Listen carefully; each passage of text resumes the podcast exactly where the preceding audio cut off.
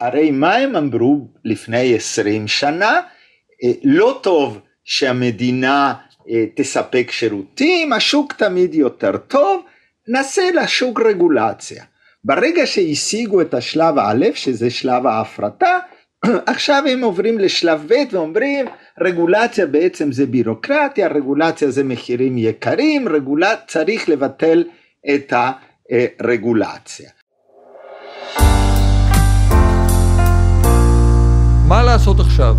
עם דני פילק ודב חנין. שלום לכם ולכן, אני דב חנין ואיתי פרופסור דני פילק חברי. אנחנו משוחחים בפודקאסט הזה מה לעשות עכשיו על שאלות של תיאוריה ופרקטיקה, על uh, הניסיון להבין את המציאות המורכבת שאנחנו נמצאים בה, וגם לחשוב ביחד על מה אפשר לעשות במציאות הזאת כדי לשנות את המצב ולהפוך אותו ליותר טוב. הפודקאסט הזה הוא חלק ממערך המדיה הסוציאליסטי רוזה מדיה. זו הזדמנות להציע לכם ולכן להצטרף כמנויים למערך המדיה הזו, הזה. בעלות אה, קטנה אתם יכולים לתמוך ביכולת שלנו להפיץ תקשורת אחרת, אה, רעיונות אחרים, מחשבה אחרת לציבור הרחב. אני uh, שמח uh, לשוחח איתך, דני, הבוקר, כי יש לנו המון המון נושאים שקשורים לחבילה הענקית הזאת שנקראת חוק התקציב וחוק ההסדרים.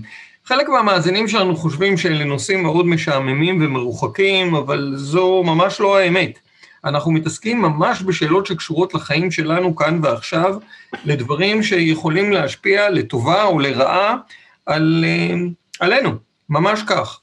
ודוגמה אחת שבה אני רוצה להתחיל ברשותך, דני, היא הרפורמה, so called, שמתוכננת בענף החקלאות. זה אחד, או זו אחת מספינות הדגל של אה, חוק ההסדרים, אה, פרויקט שגם אה, ליברמן וגם בנט מאוד מחויבים לו. אז על מה אנחנו מדברים כאן? נקודת המוצא של הרפורמה היא מציאות שאנחנו כולנו מכירים. מחירי הפירות והירקות גבוהים מדי. השאלה היא איפה נמצאת הבעיה. אם הבעיה היא שהחקלאים מרוויחים יותר מדי, אז הפתרון שהרפורמה מציעה הוא רלוונטי. אפשר להציף את השוק ביבוא זול, ולהכריח את החקלאים להוריד את המחירים ולצמצם את הרווחים שלהם כדי להתחרות. הבעיה היא שזה אה, בכלל לא המצב. הרווחים של החקלאים הם מאוד מאוד אה, קטנים בישראל. יש אצלנו בישראל קודם כל פערי תיווך פנטסטיים בתחום של החקלאות. אני הייתי אה, לפני שבועיים באצבע הגליל, נפגשתי עם אנשים שעוסקים בחקלאות, תיארו לי את המצב שבו אה, עולה להם, הם מקבלים, סליחה, שקל וחצי לקילו פירות שנמכר בשוק ב-20-25 שקלים. אז יש פה פערי תיווך מאוד מאוד גדולים, הבעיה איננה נמצאת בחקלאים, ואם אנחנו נכה בחקלאים, אנחנו בכלל לא נפתור את הבעיה של המחירים הגבוהים מדי. ישנה בעיה נוספת שקשורה למחירי הפירות והירקות, והיא קשורה לסיכונים בחקלאות שהולכים וגדלים ככל שאנחנו הם, נמצאים במציאות אה, אקלימית יותר מסובכת. משבר האקלים מתבטא גם בפגיעה קשה בחקלאות. אני אתן דוגמה קונקרטית, החורף האחרון היה חורף חם. זה יצר פגיעה במטעים. פגיעה במטעים, פגיעה ביבול. פגיעה ביבול, יש לה השלכות, גם על השוק וגם על המחירים. אז מה בעצם רוצים לעשות עכשיו? רוצים לייבא פירות וירקות מאוד בזול מכל מיני מקומות, ולדבר הזה תהיינה השלכות מאוד קשות. קודם כל, זה עלול לחסל את החקלאות הישראלית. אמ, אם אנחנו אה, נפגע בחקלאים עוד יותר, אנחנו נגרום לזה שלא תהיה חקלאות כאן בארץ, בטח לא חקלאות של פירות וירקות. כאשר אנחנו מייצרים תלות ביבוא, אנחנו גם פוגעים מאוד בביטחון התזונתי שלנו. אנחנו חיים בעולם של משברים, ואי אפשר להשעין את כל הביטחון התזונתי של מדינת ישראל על מה שאנחנו מייבאים ממדינות אחרות. אה, כשיש משבר, מדינות נוטות להיסגר, לשמור על עצמם, על השוק שלהם, על הציבור של הצרכנים אצלם, ואז אנחנו עלולים להישאר בלי הבסיס של ביטחון תזונתי אה, בירקות ובפירות. אה, לחיסול של החקלאות הישראלית יש גם משמעות סביבתית מאוד גדולה, כי ככה אנחנו נפגע בשטחים הירוקים, נאבד, נאבד באלף אדמות פוריות, ובעצם נפגע במערכת שבעצם עוזרת לסביבה שלנו להיות יותר טובה, יותר ירוקה, יותר אה, נקייה. כאשר אנחנו מייבאים אה, בצורה בלתי סלקטיבית ירקות ופירות ממקומות אחרים, אנחנו גם חושפים את הירקות והפירות אצלנו לכל מיני מזיקים שלא נמצאים כאן. אני אתן לך דוגמה, בננות בישראל היום לא מרססים, כי אין אצלנו אה, מזיקים של בננות. אבל אם אנחנו נייבא בננות בזול מחוץ לארץ, אנחנו נייבא יחד איתם גם את המזיקים שלהם ונצטרך לרסס את הבננות שלנו. זאת אומרת, נפגע באיכות אה, הבריאותית של, אה, של הפירות שאנחנו מייצרים בישראל. אז מה צריך לעשות בתחום של החקלאות? צריך בהחלט לעשות רפורמה, אבל הרפורמה חייבת להיות בכיוון ההפוך לזה שהממשלה מקדמת. אנחנו, אסור לנו להפקיר את החקלאות לכוחות שוק.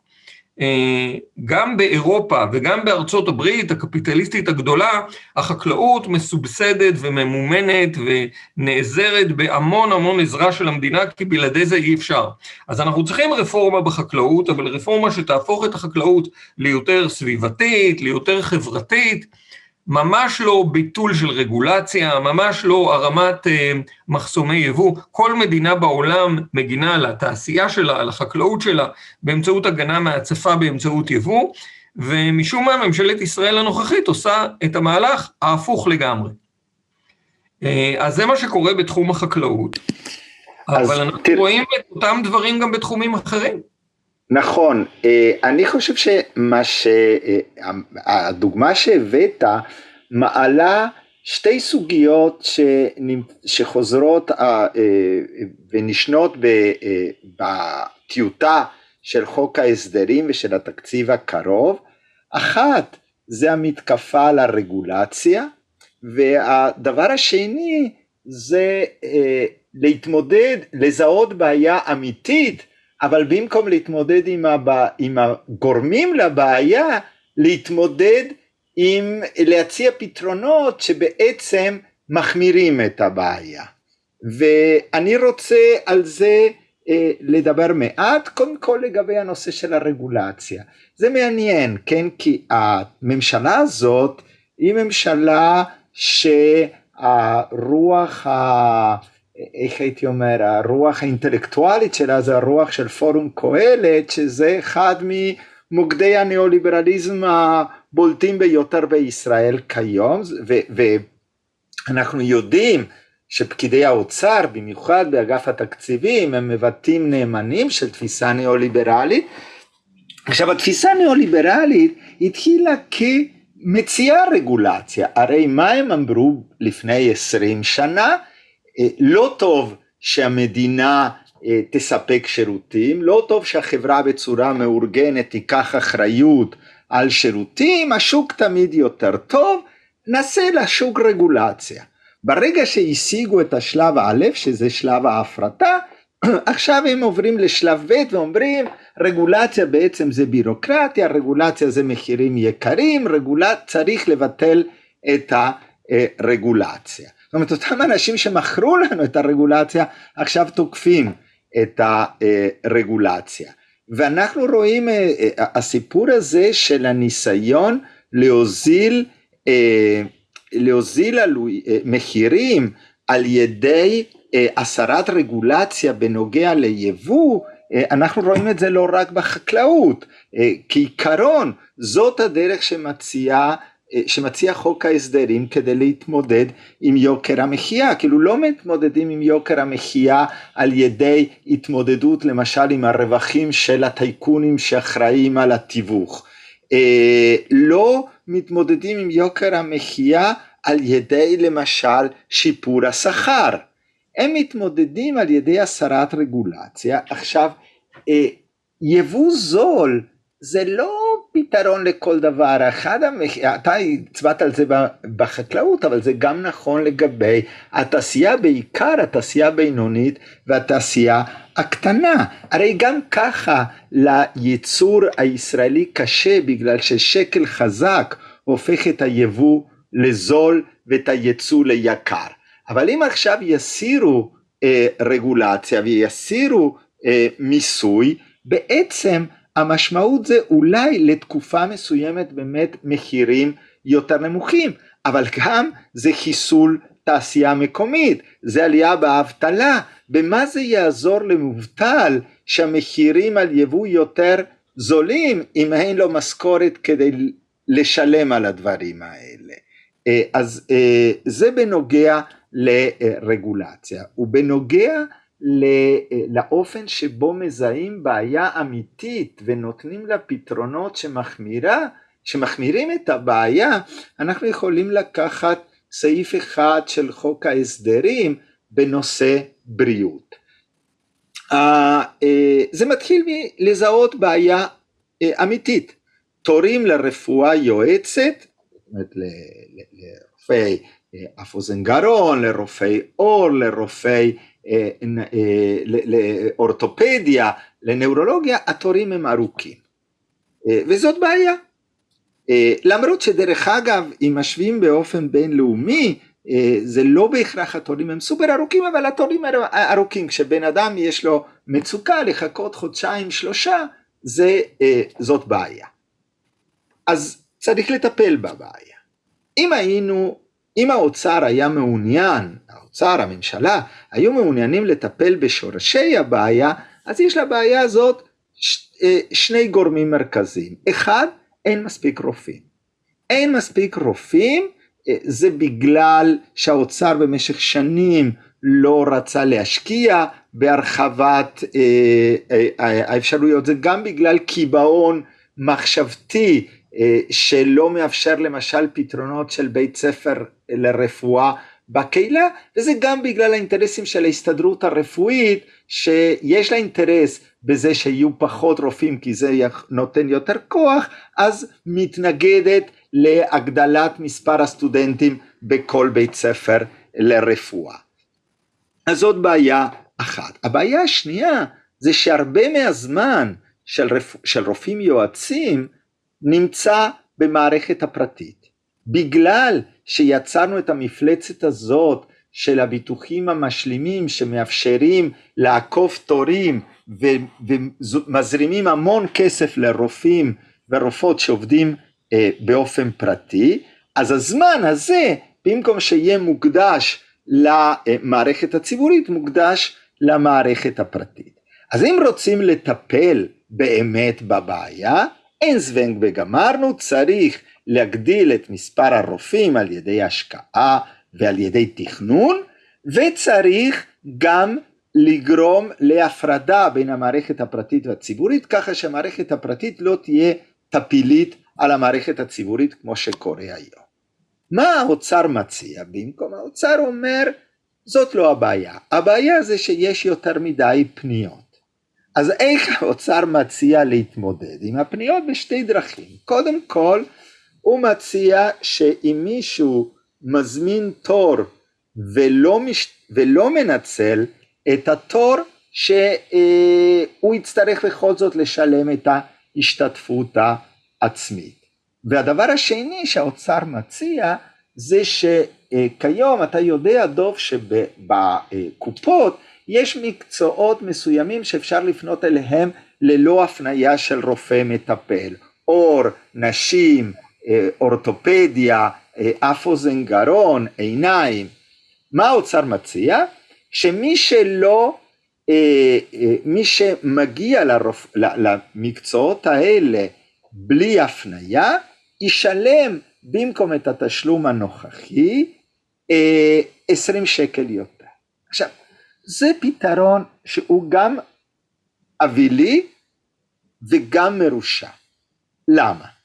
מכמה סיבות. קודם כל, ההשתתפויות עצמיות הן בעיה, בעיה, ואתה לא פותר בעיה בזה שאתה מחריף בעיה קיימת. ולמה ההשתתפויות עצמיות הן בעיה?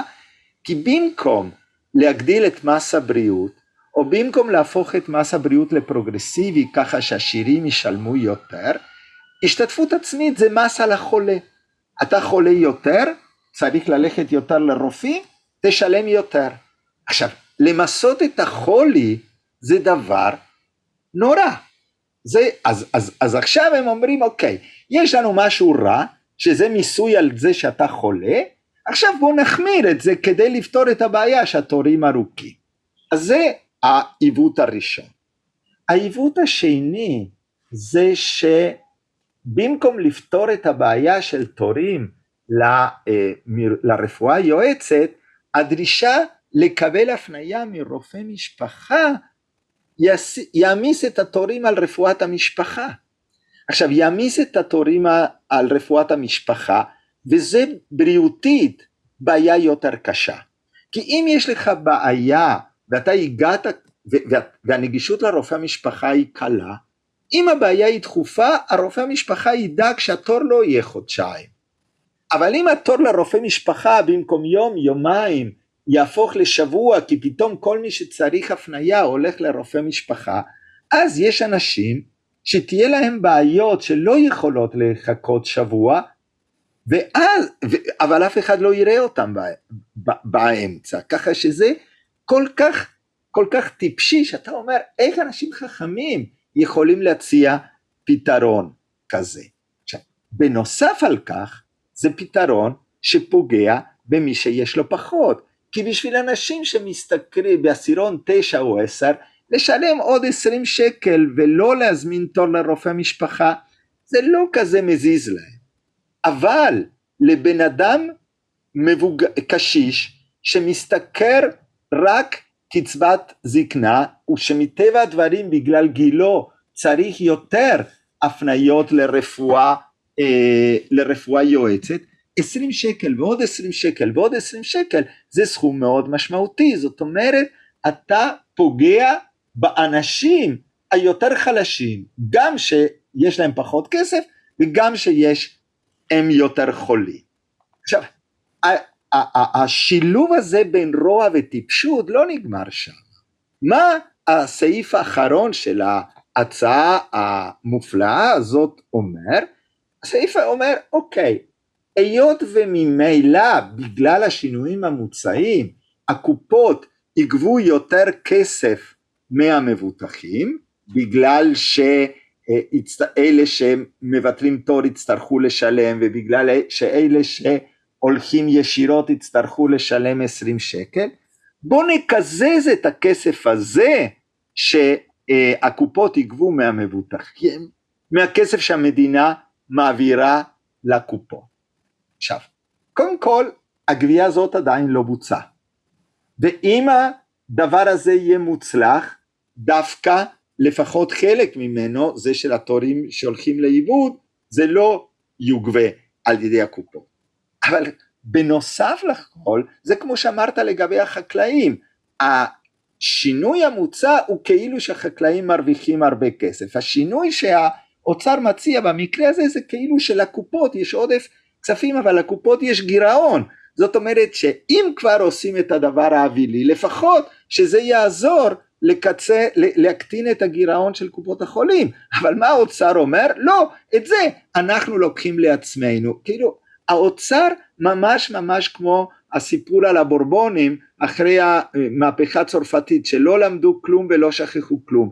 מבחינתם כאילו שלא הייתה מגפת קורונה כאילו שלא למדנו במגפת הקורונה את חשיבותן של מערכות בריאות ציבוריות חזקות, הם מתנהגים בעולם משלהם והממשלה מאמצת את ההצעה של האוצר ו- ואתה אומר איזה מין שינוי אה, הדבר הזה, איזה שינוי הם הבטיחו לנו.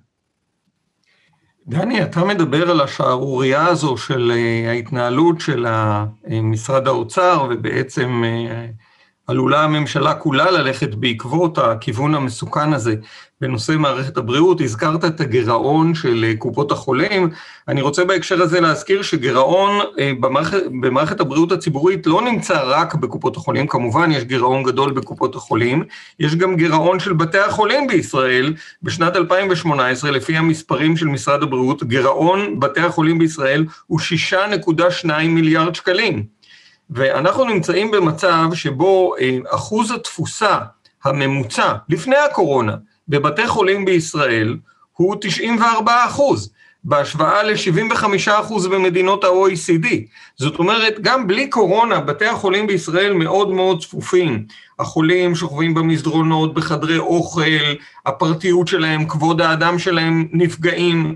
זו מציאות בעייתית ביותר, והיינו אה, יכולים לצפות שבעקבות משבר הקורונה, דבר אחד שלכאורה כולם היו צריכים ללמוד, זה שאנחנו ממש חייבים לחזק את מערכת הבריאות הציבורית, את אותה מערכת שבאמת אנשים בה אה, הקדישו ימים ולילות ומסירות עצומה ורמת מקצועיות מאוד גבוהה. מערכת בריאות באמת שהצילה אותנו במשבר הקורונה מקטסטרופות איומות. אה, למרבית הצער הממשלה ממשיכה במדיניות שמחלישה את מערכת הבריאות הציבורית הזאת וזה מאוד מאוד עצוב ומאוד אה, מאוד מסוכן. הכיוון הזה של פגיעה בבריאות של הציבור לא קשור רק למערכת הרפואה הציבורית, הוא גם קשור לשאלות של מניעת תחלואה ומניעת זיהומים. וכאן אנחנו מגיעים באמת לנושא שאנחנו הזכרנו אותו קודם בשיחה הקודמת שלנו, הפגיעה ברגולציה הסביבתית, הפגיעה בחוקים כמו חוק אוויר נקי, חוק המזהם משלם, כשאתה בעצם מאפשר למזהמים לזהם, כשאתה מסתיר את הרגולציה שמגינה עלינו, הציבור, מפני זיהומים סביבתיים, אתה בעצם פוגע ביכולת שלנו למנוע תחלואה, לצמצם את התחלואה ובעצם להגן בצורה הזו על בריאות הציבור. עכשיו, המדיניות הבעייתית של הממשלה בנושא הסביבתי, יש לה הרבה ביטויים. אחד הביטויים הבולטים זו אותה החלטה שהממשלה אישרה ביום ראשון האחרון בנושא משבר האקלים. ההחלטה הזו היא, אני אומר את התמונה בצורה קצת מורכבת, בוודאי שיש בה התקדמות ביחס למצב הקודם שבו ממשלת ישראל בעצם לגמרי לא התייחסה למשבר האקלים באופן אמיתי ולא הציעה שום דבר מעשי כדי להתמודד עם המשבר הזה. אבל ההחלטה כפי שהתקבלה ביום ראשון היא החלטה מאכזבת. קודם כל, היא מאוד מאוד רחוקה מהסטנדרטים שקיימים היום בעולם. מדינת ישראל מציבה בעצמה, מציבה בפני עצמה, לפי ההחלטה הזו, יעד של הפחתה של פליטות גזי החממה בישראל, 27 אה, אחוז אה, עד שנת 2030, בהשוואה לשנת המוצא שהיא 2015. 27 אחוז הפחתה של גזי החממה לאורך עשור. אז קודם כל צריך להגיד שזה יותר טוב מכלום, כי עד היום מדינת ישראל לא התחייבה בעצם בפועל להפחית בפועל את אה, פליטות גזי החממה שלה, אלא להפחית את פליטות גזי החממה לנפש, שזה במציאות של מדינה שבה יש אה, גידול אוכלוסייה, זה בעצם לא להחליט על פליטות, על צמצום אמיתי של פליטות גזי החממה. איפה הבעיה? הבעיה היא שאלה לא הסטנדרטים שהקהילה המדעית בעולם דורשת. כדי שאנחנו נוכל להתמודד עם משבר האקלים ולמנוע קטסטרופות מאוד מאוד קשות. אמ, הקהילה המדעית בעולם דורשת הפחתה של 50 אחוז בפליטות גזי החממה עד שנת 2030, ובכיוון הזה אירופה החליטה להפחית ב-55% את פליטות גזי החממה שלה בעשור הזה. הברית של ביידן מתחייבת להפחית 52% בפליטות גזי החממה שלה שנת 2030, ואני רוצה להזכיר שאנחנו מדברים על מקומות שבהם יש תעשיות מאוד מאוד גדולות, שזה לגמרי לגמרי לא פשוט לצמצם עד כדי כך את הפליטות בהיקפים כל כך דרמטיים בעשור הקרוב. ודווקא ישראל, שהיא מדינה שאין בה תעשיות ענק אה, כל כך אה, עצומות, אה, מדברת על המספר, הייתי אומר, העלוב הזה, של 27 אחוז צמצומי פליטות. זה מתקשר גם להמשך של התלות המאוד קיצוני של מדינת ישראל בגז. צריך פה לחדד את הנקודה הזו. גז איננו חלק מהפתרון, גז הוא חלק מהבעיה. קוראים לזה גז טבעי, אבל אפשר גם לדבר באותה מידה על פחם טבעי או על נפט טבעי. אז הגז הזה שאנחנו אה, מפיקים מהים, אה, הוא בעייתי מבחינת גזי חממה, הוא כרוך בפליטת מתאן לאטמוספירה, מתאן הוא גז חממה מאוד מאוד אפקטיבי, מאוד מאוד אה, בעייתי, וממשלת ישראל במקום לצמצם את התלות בגז, רק מעמיקה את התלות הזאת. הם מציעים מנגנונים שיעודדו עוד ועוד חיפושי גז ונפט בים. וכששואלים אותם מה קורה עם הדבר הזה, הרי העולם מתחיל להיגמל גם מנפט וגם מגז, ההסבר הוא הסבר מקומם במיוחד. הם אומרים, נכון, העולם נגמל מנפט ומגז, ולכן אנחנו צריכים למהר ולהפיק את הגז והנפט שלנו כדי לנסות לייצא אותו כמה שיותר מהר, כי עוד מעט לא יהיה מי שירצה לקנות אותו. זו אה, מדיניות של חוסר אחריות סביבתית, כאילו מדינת ישראל מתנהגת באופן שהעולם לא מעניין אותנו, משבר האקלים לא מעניין אותנו, ההתמודדות עם משבר האקלים אה, לא מעניינת אותנו. אה, זה מאוד מאוד מאכזב, כי כאשר נתניהו עזב, אה, אנחנו ציפינו שאחרי שהידיד הגדול של טייקוני הגז, האיש שהעביר את מתווה הגז, שנותן להם באמת שולי רווח עצומים, ומחייב את המשק הישראלי לקנות מהם גז, את הגז שלנו, במחירים מופקעים, כן, הכל במסגרת אותו מתווה גז שנתניהו כל כך נלחם עליו בממשלה ובכנסת, הייתה ציפייה שכאשר נתניהו עוזב, אה, אולי תתחיל מדיניות אחרת מול טייקוני הגז ומול האינטרסים שלהם. את הדברים האלה אנחנו לגמרי לא רואים. אנחנו לא רואים מהפכה אמיתית בתחום של האנרגיה המתחדשת. מדינת ישראל ברוכת השמש עדיין מדשדשת ב-7% אנרגיה מתחדשת בישראל. אה, אנחנו מדברים על מדינות באירופה שיש בהן הרבה פחות שמש, ששיעורי האנרגיה המתחדשת שלהם כבר היום עוברים על 50 אחוז. זה אבסורד. אנרגיית שמש היא גם זולה יותר, היא גם בטוחה יותר, היא גם, אה, זו אנרגיה יותר דמוקרטית, היא לא נמצאת אצל טייקונים בודדים, כן? כל אחד שיש לו גג יכול להיות חלק מההפקה של אנרגיית שמש. אבל לא. המדיניות הישראלית בתחום הזה מאוד מאוד בעייתית ומאוד מצערת. אה, אתה בהחלט נוגע בדברים חש... מאוד מרכזיים, מה שחשוב אני חושב לקחת בחשבון שכשאתה אומר את הדברים האלה זה מין, זה לא בנימה של קינה על עולם שעבד, אלא אה, קריאה לפעולה. ובעצם אנחנו רואים שעם כל הדברים הרעים שהזכרנו שהממשלה הזאת עושה, אה, לחץ ציבורי גם יכול להביא לשינויים. בשיחה שלנו הקודמת דיברת על הסכנות של צינור קצא. וכמה ימים אחרי זה, כמובן זה לא, לא בגלל זה, אבל בגלל שהיה לחץ ציבורי, בגלל שמה שאתה ביטאת במפגש הקודם שלנו, זה היה חלק מהתנגדות ציבורית של ממש, אה, שמענו בתקשורת ששרת האנרגיה מבקשת לשקול מחדש את הצינור הזה. זאת אומרת שאנחנו רואים שהדברים, אה, ש, שאם יש לחץ ציבורי, אם יש פעולה ציבורית, אם יש התארגנות ציבורית, אפשר להשפיע על המציאות ולא צריך לקבל את הגזרות כמשהו שזה, כמו שיש גז טבעי, הגזרות טבעיות ואין מה לעשות. מדובר בהחלטות פוליטיות, והחלטות פוליטיות אפשר לשנות אותן על ידי פעולה פוליטית נכונה. זו נקודה מאוד חשובה, והיא מביאה אותנו לכותרת של סדרת השיחות שלנו, מה לעשות עכשיו. גם הפעם אנחנו מדברים, דיברנו בשיחה הזאת על נושאים שיש בהם איומים גדולים, דיברנו על הפגיעה בחקלאות, על הפגיעה במערכת הבריאות הציבורית, דיברנו על הפגיעה בסביבה ועל מדיניות שמעדיפה את הגז המזהם על האנרגיה המתחדשת ואנרגיית השמש. אה, אבל כמו שאמרת, דני, בכל הנושאים האלה לחץ ציבורי יכול וצריך להשפיע. ארגוני הסביבה קיימו אה, לפני כשבוע מסיבת עיתונאים שהכותרת שלה הייתה אה, ממשלת השינוי לרעה. והכוונה לא הייתה להיכנס לאיזושהי עמדה של אופוזיציה בכל מחיר. הכוונה הייתה להשמיע התראה מאוד מאוד ברורה בפני אה, השרים בממשלה, בפני הפוליטיקאים, בפני המפלגות שנמצאות בקואליציה, שגם ציבור גדול ששמח על עזיבתו של נתניהו את אה, משרד ראשות הממשלה לא מתכוון לקבל בצייתנות אה, פגיעות קשות בחיים שלנו, בבריאות שלנו, בעתיד שלנו. אה, אנחנו מתכוונים להיות אקטיביים, אנחנו מתכוונים לפעול, אנחנו מתכוונים ללחוץ על הפוליטיקאים, על המפלגות, על הקואליציה, על הממשלה, בכל הנושאים שאנחנו מדברים עליהם.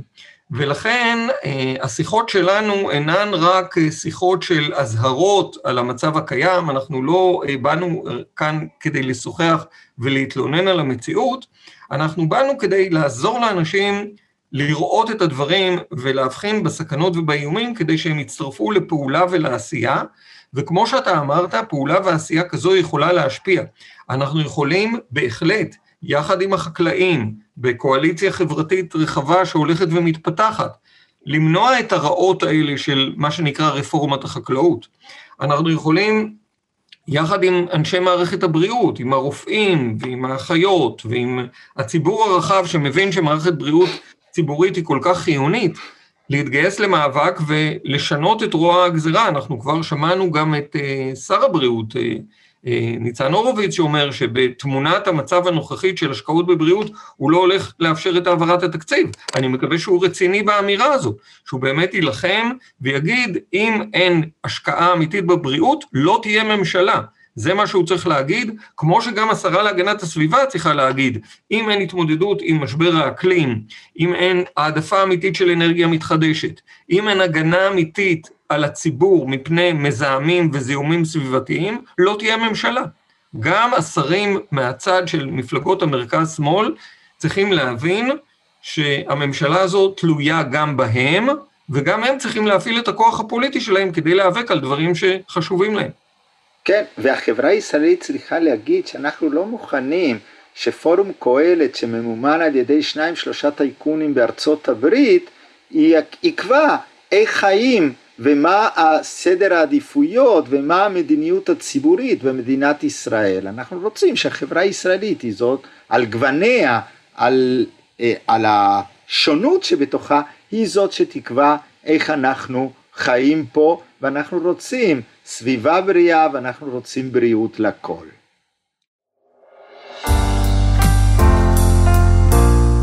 תודה לך דני, אה, ותודה לכן ולכם המאזינות והמאזינים שלנו. אה, אנחנו בפרק נוסף מהסדרה של השיחות שלנו, מה לעשות עכשיו.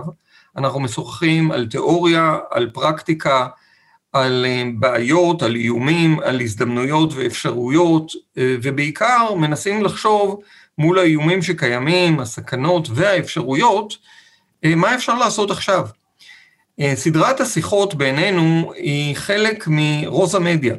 זה מערך תקשורת סוציאליסטי שאנחנו מזמינים אתכם ואתכם להצטרף אליו כמנויים כדי לעזור לנו להשמיע ולהביא לציבור רחב את הדעות האחרות ואת החשיבה האחרת שכל כך נדרשת כאן. תודה לכולכם ונתראה בשיחה הבאה.